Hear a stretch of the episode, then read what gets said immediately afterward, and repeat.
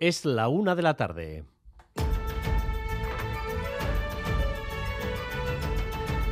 Crónica de Euskadi con Dani Álvarez. A Rachaldeón, el New York Times lo llamó en 1997 el milagro en Bilbao y lo hizo con una clarividencia que desde luego muy pocos teníamos aquí.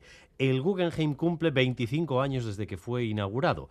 Ha empapado la vida cultural, económica y social de Bilbao y esta mañana Boulevard ha reunido a Vidarte, Zupiría e Ivón Areso en un diálogo del pasado y el futuro del emblema museístico del país. Aquí siempre se ha dicho, bueno, fuimos muy arriesgados tomando esta decisión y, y, lo fuimos y las instituciones vascas yo creo que hay que reconocerles el mérito de haber tenido esa capacidad de liderazgo y de apuesta por un proyecto en el que muy poca gente creía. Esto generó también eh, tensiones internas, las generó en el gobierno, entre algunos departamentos, eh, las generó entre el gobierno y las otras diputaciones, se generaron eh, tensiones territoriales. Esto genera eh, economía e ingresos los 133 millones de euros que costó el museo, el primer año de funcionamiento del museo generó 144 millones de euros.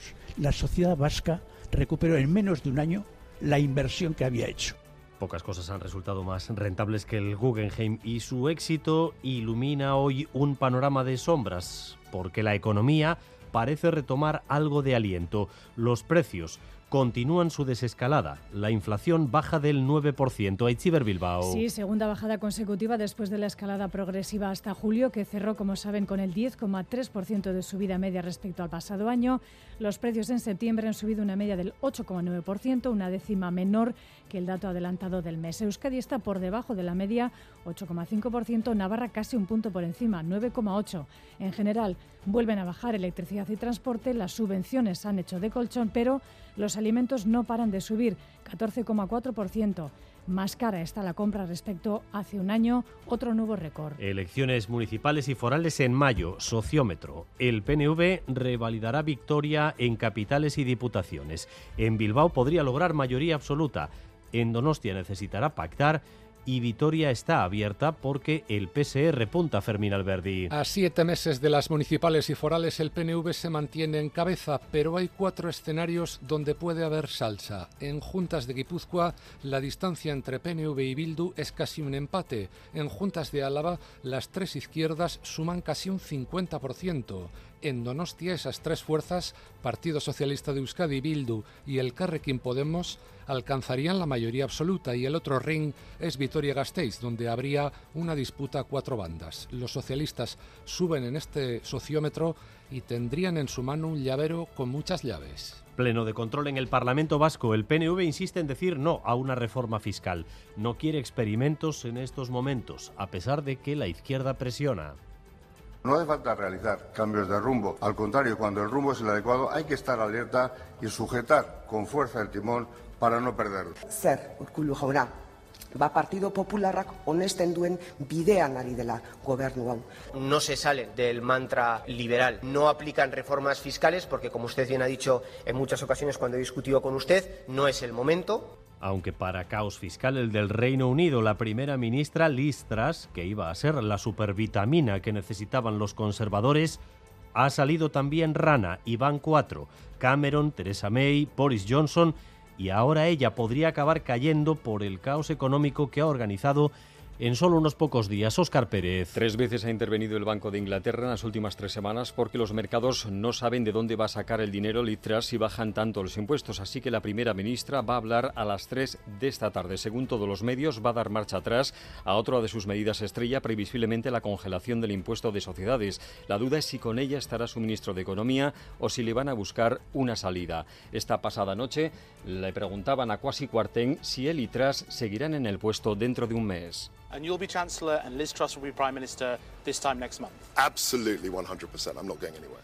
Seguro que sí, al 100% no me voy a ningún sitio, decía Kwasi Kwarteng en la BBC. Una encuesta que publica el Times asegura que la mitad de los militantes que votaron atrás quieren ahora que la retiren del puesto.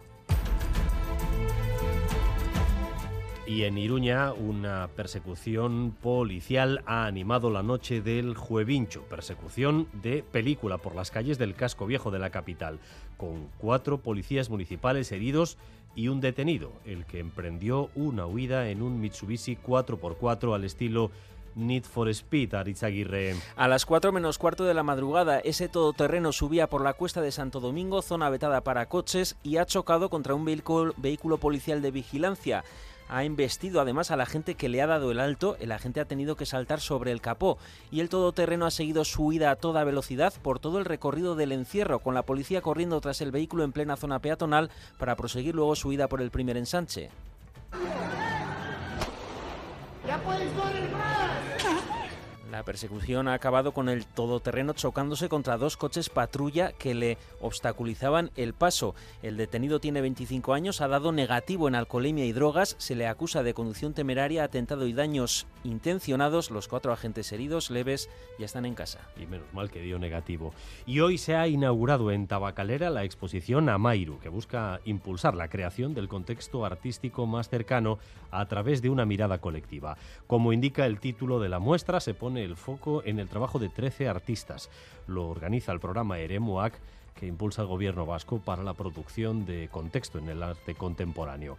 Lo explican Aymar Arriola y Maider López, que son integrantes de la comisión organizadora.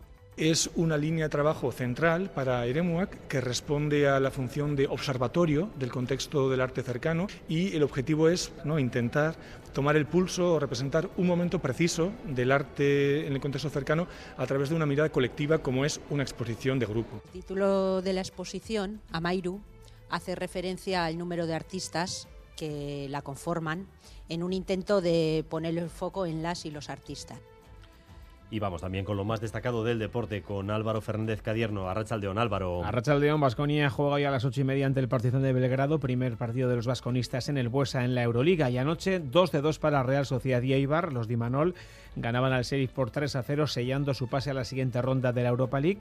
Los armeros vencían al Ibiza por 1 a 2, consiguiendo su primera victoria a domicilio. Y mañana es un gran día para esta casa. A las 11 arrancamos la fiesta BCA TV, que hoy hemos presentado Xavier Madariaga. Como plato fuerte el preestreno del primer capítulo de la nueva temporada de Watson en el BEC.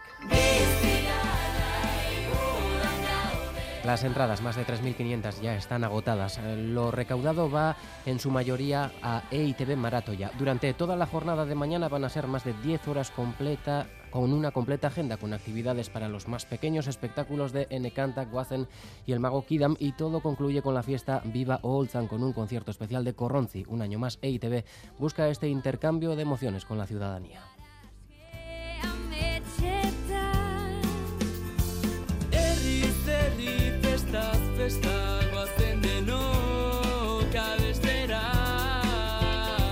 Y la Asociación Vasca de Periodistas acaba de anunciar sus premios de este año. El galardón especial al personaje o a la institución es para EITB, para Euskal Irrati Televista, por nuestros 40 años como grupo de comunicación vasco y público, como grupo de comunicación al servicio del país. En la gala de entrega de esos premios, que serán el próximo 8 de noviembre, también serán reconocidos Pablo González, Premio a la Libertad de Expresión tras siete meses encarcelado en Polonia, Luis Aizpeolea, Martín Ugalde o Floren Torrelledo, premios de la Asociación Vasca de Periodistas. En cuanto al tiempo, hasta ahora cielos prácticamente despejados en la mayoría de nuestro territorio, tendencia que va a continuar durante las próximas horas. Ambiente soleado, temperaturas al alza que hoy pueden alcanzar ya los 25 grados. Tenemos ahora mismo 23, 23 en Bilbao, 21 en Donostia y en Iruña, 20 grados en Vitoria-Gasteiz y 19 grados de temperatura en Bayona. Esta tendencia de temperaturas al alza continuará el fin de semana eh, cuando podríamos acercarnos o incluso llegar a los 30 grados. En cuanto al tráfico, según el Departamento de Seguridad, ahora mismo sin incidencias destacables, 688-840-840, el número de WhatsApp de Radio Euskadi. Gracias un día más por elegir Radio Euskadi y Radio Vitoria para informarse. Raúl González y José Ignacio Revuelta se encargan de la dirección técnica, a Itziber Bilbao de la coordinación. Crónica de Euskadi con Dani Álvarez.